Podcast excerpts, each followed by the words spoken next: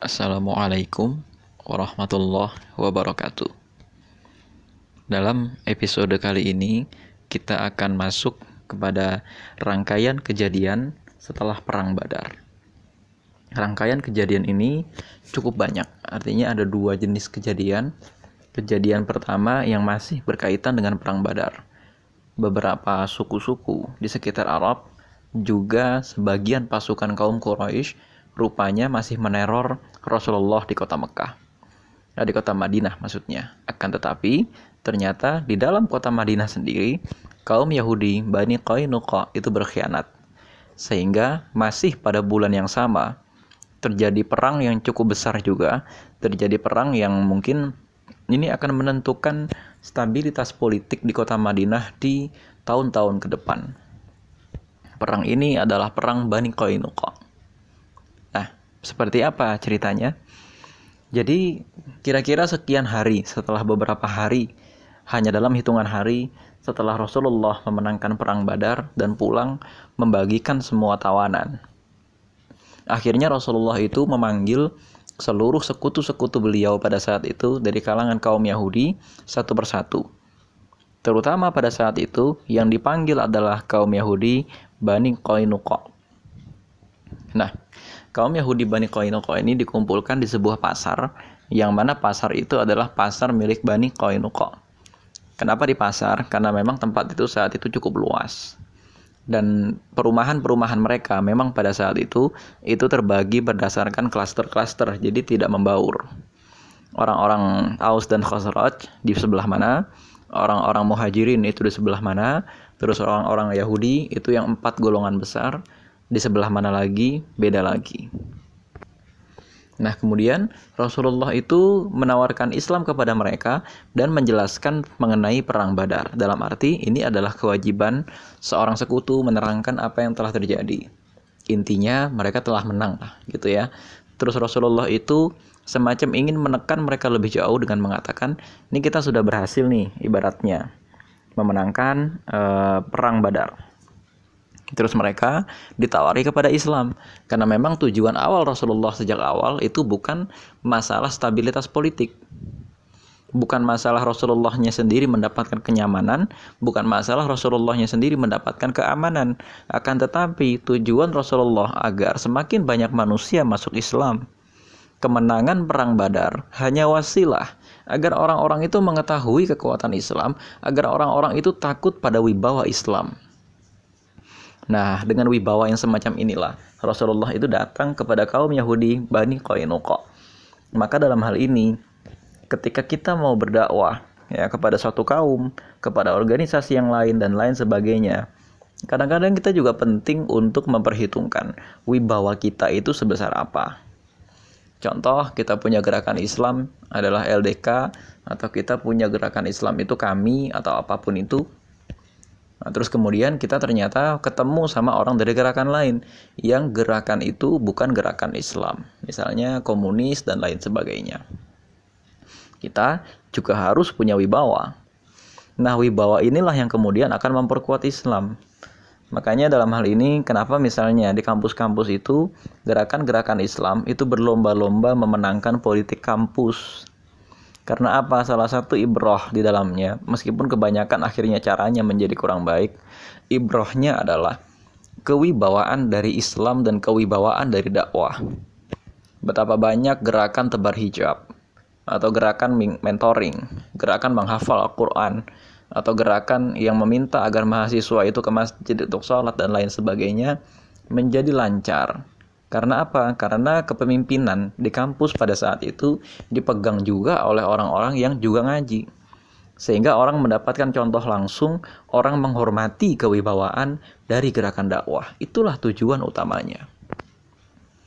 Nah, e, berkaitan dengan wibawa inilah, perang Badar itu membawa betul-betul aura kekuatan Islam di kota Madinah.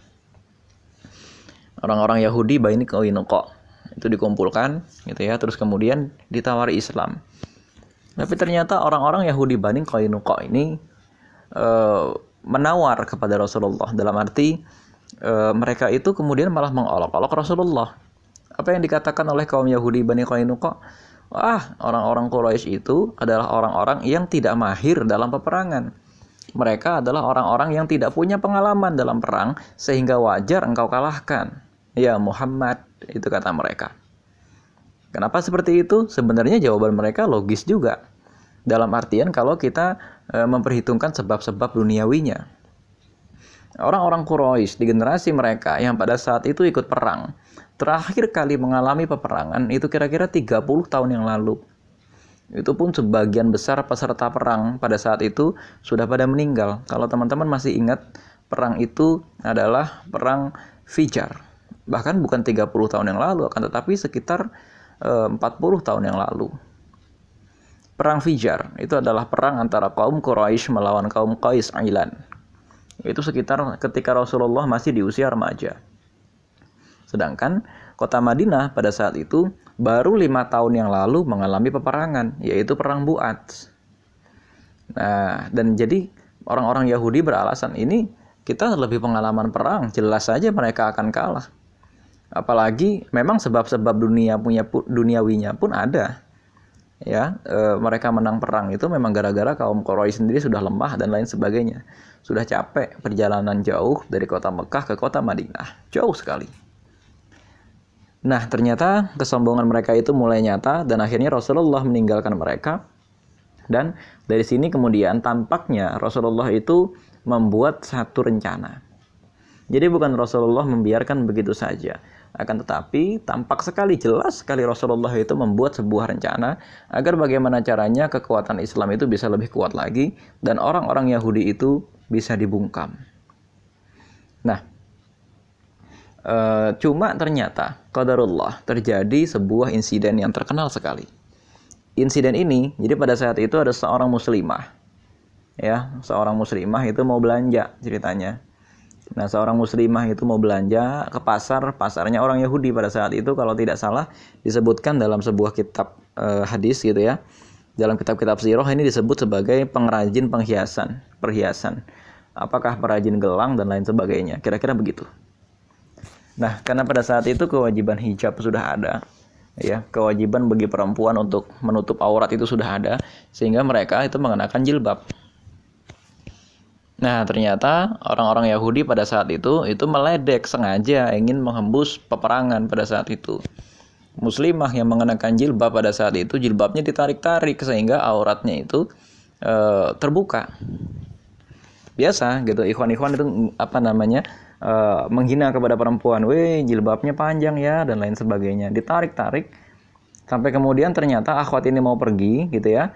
Eh ternyata qadarullah jilbabnya itu sudah diikatkan duluan oleh pengrajin penghiasan itu ke meja tempat dia membuat perhiasan. Sehingga ketika akhwatnya ini melangkah pergi, jilbabnya itu terlepas, terikat kepada uh, tempat perhiasan tadi. Nah, melihat kejadian itu semua, ada seorang muslim di pojokan itu ngeliat bawa pedang. Nah, si muslim ini datang terus membunuh si uh, pembuat perhiasan itu karena marah. Dia tersengat gara-gara harga dirinya sebagai seorang muslim itu marah melihat uh, saudarinya sesama muslim, entah itu siapa, kita nggak di nggak dijelaskan itu muslimahnya itu siapa dan muslimnya itu siapa. Apakah mereka itu suami istri nggak dijelaskan. Alkisah dibunuhlah tukang perhiasan itu dan kemudian orang-orang Yahudi makin marah. Nah, si Muslim ini kemudian dibunuh juga ternyata. Nah, akhirnya ketika si Muslim ini dibunuh, ramelah itu orang-orang Yahudi dan rame juga itu orang-orang Muslimnya. Nah, orang-orang Muslim gitu ya yang menjadi keluarga yang terbunuh tadi minta kepada Rasulullah, wahai Rasulullah, keluarga kita ini dibunuh oleh orang-orang Yahudi itu. Perkaranya jelas, perkaranya itu orang-orang Yahudi menjahili perempuan muslimah agar jilbabnya terbuka dan saudara kami ini membela muslimah tersebut sampai terbunuh.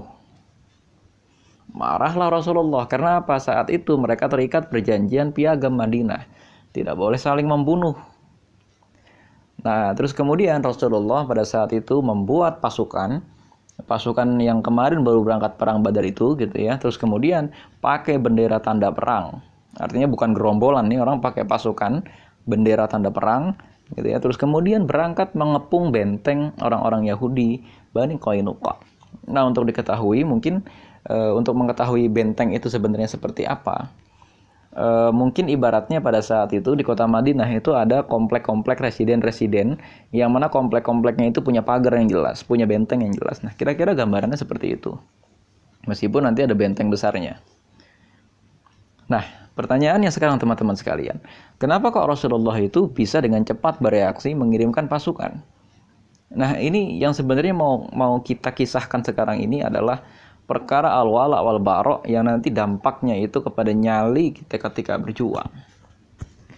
Sekarang teman-teman sekalian, nyali organisasi Islam, nyali para aktivis Islam hilang ketika berhadapan dengan orang-orang munafik, hilang ketika berhadapan dengan orang-orang Yahudi. Kita berubah menjadi orang-orang pengecut, kita berubah menjadi orang-orang yang bahkan tidak mengerti harus melakukan apa karena serba takut, serba bergantung, dan serba berkait. Rupanya ini masih menjadi jalinan peristiwa di Perang Badar. Mengapa?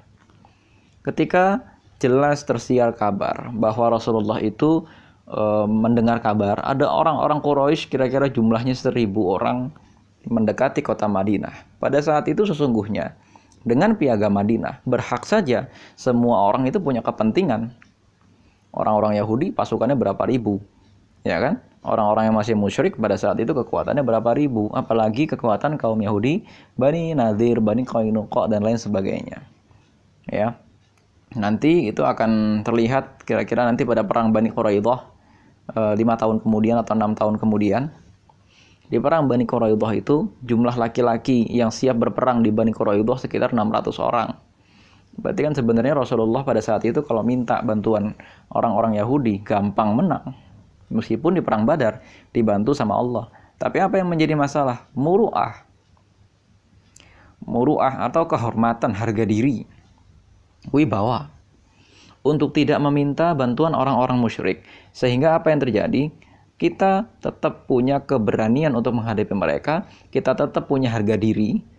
Kita tetap tidak terpancing atau tetap kita itu tidak tertahan di tempat kita untuk diam saja melihat ada orang muslim itu disolimi dengan alasan kita terikat perjanjian atau dengan alasan kita itu punya balas jasa kepada mereka. Sejak awal teman mainnya orang-orang muslim itu dipisah dari orang-orang Yahudi oleh Rasulullah. Nah sekarang memang masalahnya adalah di antara kita masih banyak orang-orang yang menggampang-gampangkan ya. Menggampang-gampangkan orang itu bisa main aja gitu loh sama orang-orang Yahudi, sama orang-orang Kristen dan lain sebagainya. Maksudnya apa? Dalam arti berteman tidak masalah, akan tetapi jangan pernah menggantungkan kepentingan dakwah dengan kepentingan mereka. Dampaknya apa? Dampaknya boro-boro seperti Rasulullah yang bisa menampilkan kewibawaan Islam, kita malah menampilkan kebobrokan, kita malah menampilkan kelemahan umat Islam. Karena apa? Kalau diserang kita takut, heboh kita teman-teman sekalian. Nah, itu ya. Akhirnya kita kembali kepada kisah cerita perang Bani uh, Qainuqa ya atau perang Bani Qainuqa ini. Uh, kemudian Rasulullah itu mengepung benteng Bani Qainuqa. Nah, di peristiwa inilah kemudian terjadi satu hal yang heroik. Ceritanya pada saat uh, sebelum kedatangan Islam, orang-orang Aus dan Khosraj. Ini lagi-lagi tentang al-wala wal bara. Orang-orang Aus dan Khosraj itu punya uh, persekutuan masing-masing dengan orang-orang Yahudi. Aus itu sebuah suku, Khazraj itu sebuah suku, dan orang-orang Yahudi terbagi menjadi empat suku. Nah, orang-orang Aus, ya Ubadah bin Samit di antaranya, itu secara pribadi maupun secara kesukuan, itu punya ikatan dengan ya kaum Yahudi, Bani Qainuqa. Nah, selain uh, ada seorang sahabat Nabi, namanya Ubadah bin Samit, ada juga orang munafik, ini namanya Abdullah bin Ubay bin Salul, itu punya persekutuan juga dengan orang-orang Yahudi, Bani Qainuqa. Artinya eh, ini berdua-dua gitu ya. Orang-orang Yahudi itu punya ikatan persekutuan dengan orang-orang Aus dan di antara mereka itu adalah orang eh, munafik yang namanya Abdullah bin Ubay dan satu lagi Ubadah bin Samit. Tapi tegas, ketika Rasulullah mengumumkan keberangkatan pasukan untuk mengepung orang Yahudi Bani Qainuqa, sebabnya jelas karena orang Yahudi Bani Qainuqa itu melanggar eh, apa namanya piagam Madinah tadi. Dan kenapa Rasulullah bisa menghadapi mereka? Karena Rasulullah tidak terikat dengan balas budi. Artinya kemuliaan partai Islam pada saat itu tidak terikat dengan koalisi yang sifatnya saling menguntungkan. tapi koalisi yang sifatnya Islam yang memberi keuntungan kepada mereka sehingga mereka itu dirugikan gitu loh. Kalau mereka tidak bersekutu dalam dengan Islam, mereka itu dirugikan. Nah, akhirnya uh, Rasulullah itu tegas mengumumkan, "Yuk kita berangkat perang." Nah, Ubadah bin As-Samit pada saat itu bilang kepada Rasulullah, "Wahai Rasulullah, saya punya perjanjian persekutuan dengan mereka, dengan orang Yahudi, kaum Bani Qainuqa." Apa kata Rasulullah? Ya terus gimana? Nah, akhirnya kata Ubadah bin As-Samit, saya putuskan sekarang perjanjian itu dengan mereka dan aku ganti itu dengan perjanjian kepadamu saja. Artinya uh, Ubadah bin As-Samit menyatakan kesetiaan kepada Rasulullah karena ikatannya kepada Islam. Berbeda dengan Abdullah bin Ubay bin Salul. Ketika Rasulullah itu menggunakan baju perang, baju besi yang tebal sekali, dan baju besi itu kan kemudian ada kantongnya gitu ya di samping-sampingnya itu Nah, Abdullah bin Ubay bin Salul itu uh, maju kepada Rasulullah ngomong kepada Rasulullah, "Wahai Rasulullah, ini orang-orang Yahudi Bani Qainuqa itu punya ikatan dengan saya. Gimana ini? Jangan jangan diperangi." Nah, Rasulullah itu Alkisah sangat marah sekali sampai kelihatan dari wajahnya. Rasulullah itu kalau marah terlihat dari wajahnya. Nah, Abdullah bin Ubay bin Salul itu rupanya nggak peka. Nggak peka dalam arti ini orang munafik. Mau main jalur politik gitu loh. Akhirnya dirayu-rayu Rasulullah sampai Abdullah bin Ubay bin Salul itu memasukkan tangannya ke e, saku dari pakaian perangnya Rasulullah. Rasulullah tambah marah dan para sahabat Nabi juga berusaha menjauhkan Abdullah bin Ubay bin Salul dari Rasulullah Shallallahu Alaihi Wasallam. Akhirnya karena sudah seperti itu, gitu ya, sedangkan pasukan perang itu sudah mengepung kaum Yahudi Bani Qainuqa dan kaum Yahudi itu sudah marah, Rasulullah itu kan berencana memerangi mereka sampai habis. Dalam arti nggak um, akan memberikan ampunan karena mereka sudah berkhianat. Ditawari Islam malah ngajak perang. Ya udah gitu loh. Sedangkan jadi sebelum sebelumnya itu mereka bilang kan ya kalau memang kalian menang melawan Quraisy itu cuma kebetulan. Karena orang-orang Quraisy itu kan tidak pengalaman perang. Nggak seperti kami yang pengalaman perang kami itu banyak. Nah sekarang ketika Rasulullah itu mendatangkan pasukan perang rupanya mereka itu bertahan dalam benteng dan ketakutan Sampai Abdullah bin Ubay bin Salul itu meminta, "Wahai Rasulullah, ini adalah sekutuku, tolong bebaskan, tolong bebaskan." Entah mungkin ada surat atau apa yang datang kepada Abdullah bin Ubay bin Salul untuk mengutusnya kepada Rasulullah. Akan tetapi, singkat cerita, akhirnya Rasulullah marah sekali, cuma akhirnya qadarullah eh, Rasulullah itu tidak jadi memerangi kaum Yahudi Bani Qainuqa dan keputusannya adalah kaum Yahudi Bani Qainuqa akan diusir dari kota Madinah. Ya diusir, mereka itu pindah ke Syam, ke daerah Azri'at kalau tidak salah. Azri'at itu daerah Syam. Yang memimpin pengusiran itu langsung Ubadah bin As-Samit. Orang-orang Yahudi bingung. Loh, bukankah engkau ada perjanjian persekutuan kepada kami, tapi kenapa malah engkau yang mengusir kami? Akhirnya kata Ubadah bin As-Samit, "Iya, sekarang aku sudah melepaskan ikatan persekutuan kepada kalian." Dengan penjelasan bahwa kalian sudah melanggar perjanjian antara kita dengan orang-orang Islam, antara kalian dengan orang-orang Islam. Akhirnya mereka itu diusir gitu ya, dan harta rampasan mereka itu diambil. Tadinya Abdullah bin Ubay bin Salul mengatakan harta rampasan perangnya itu eh, jangan diambil juga. Mereka pergi aja dengan harta mereka. Akan tetapi ini lobby-lobbynya udah nggak bisa. Akhirnya mereka diusir, mereka hanya diperkenankan membawa harta yang cukup untuk dibawa dengan e, ontak saja. Nah, ini yang menjadi masalah ya, ini ini yang menjadi persoalan. Kita lihat e, sikap dari Ubadah bin Samit. Tegas sekali, ya. Dan kita lihat juga sikap dari Abdullah bin Ubay bin Salul itu mencela mence melobi Rasulullah kerjaannya, ngelobi terus agar Rasulullah bersikap lunak dan tidak memerangi orang-orang Yahudi tersebut. Ini masalah al-wala wal. Uh, kisah dari kisah inilah ya salah satu uh, yang menjadi asbabun nuzul dari surat Al-Maidah ayat 51. Agar kita itu jangan menjadikan orang-orang Yahudi dan Nasrani sebagai pemimpin al-wali. Di mana pemimpin atau al-wali dalam Al-Qur'an itu aulia itu bisa diartikan menjadi tiga. Jadi pemimpin, menjadi kekasih atau menjadi pelindung sama saja artinya. Artinya Eh, di sini ketiga-tiga arti itu tidak saling melenyapkan. Apakah itu pemimpin, apakah itu pelindung, apakah itu orang yang kita cintai, kekasih. Nah, di sini terlihat al-wala wal. Di sini ngerinya kalau teman-teman itu ketika masuk Islam atau ngerinya ketika teman-teman ketika berjuang itu belum punya perasaan yang totalitas, belum punya perasaan yang betul-betul maksimal membela Islam. Tapi masih mencela-mencele, masih berpihak kepada musuh-musuh Islam, masih melihat ada keuntungan apabila kita berpihak kepada musuh Islam. Mungkin barangkali secara batin kita tidak munafik, kita membela Islam, batin kita membela Islam. Akan tetapi tampaknya secara zahir justru kita sangat mirip dengan orang munafik. Lihat betapa tegasnya Ubadah bin As-Samit meskipun beliau punya perjanjian dengan orang-orang Yahudi. Tapi ketika Islam sudah memerintahkan yang seperti apa? Ini adalah perkara arwala wal bara. Ya, jadi ada banyak sekali Ibrahim bisa kita ambil dari perang Bani Qainuqa ini.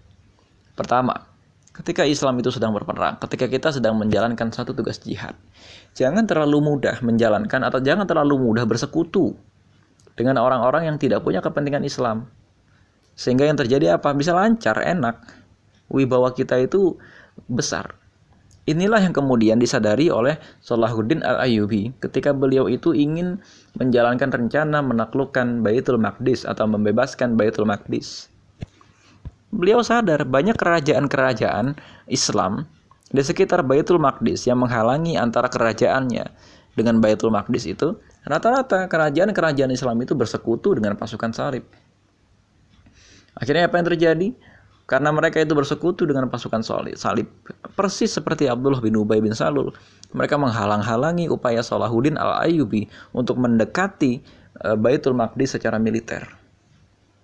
Akhirnya Salahuddin al-Ayyubi itu terlebih dahulu membersihkan orang-orang munafik ini. Barangkali mungkin juga bukan munafik, tapi barangkali cuma orang-orang Islam yang al-wala wal baroknya itu nggak jelas. Masalah simpel sebenarnya.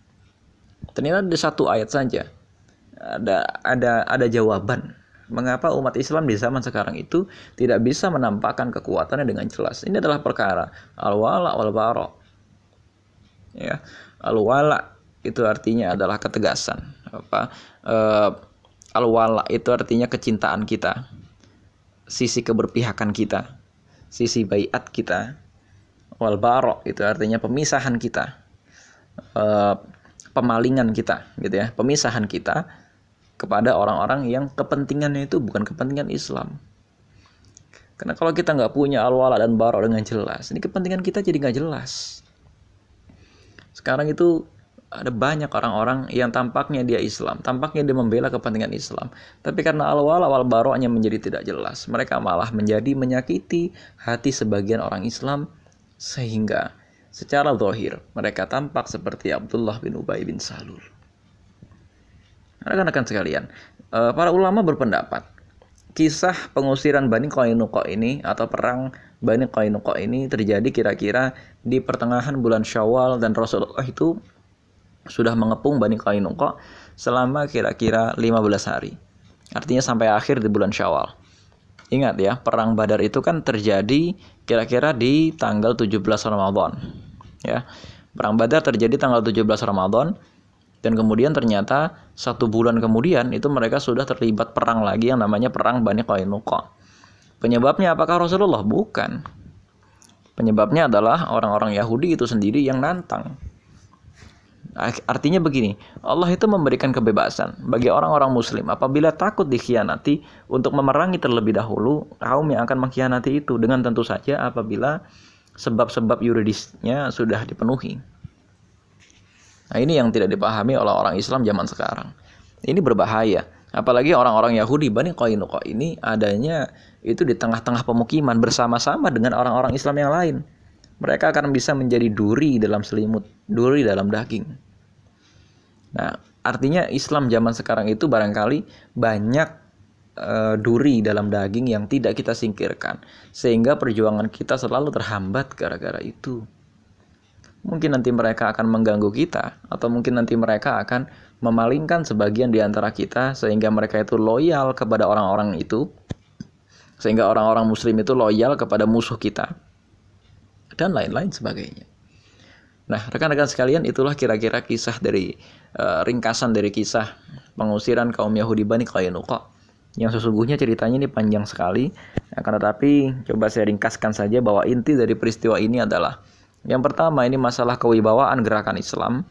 Terus yang kedua ini adalah masalah al-wala wal bara ke mana kita mencari persekutuan agar jangan sampai kita itu dipilih oleh Allah menjadi orang-orang yang berkepribadian Abdullah bin Ubay dan kita dipilih oleh Allah, ditakdirkan oleh Allah menjadi seperti Ubadah bin As-Samit yang tegas ke mana al-wala wal baroknya. Catat kalimat ini bahwa keberhasilan gerakan dakwah sering kali dimulai dengan perkara sederhana yaitu al-wala wal barok.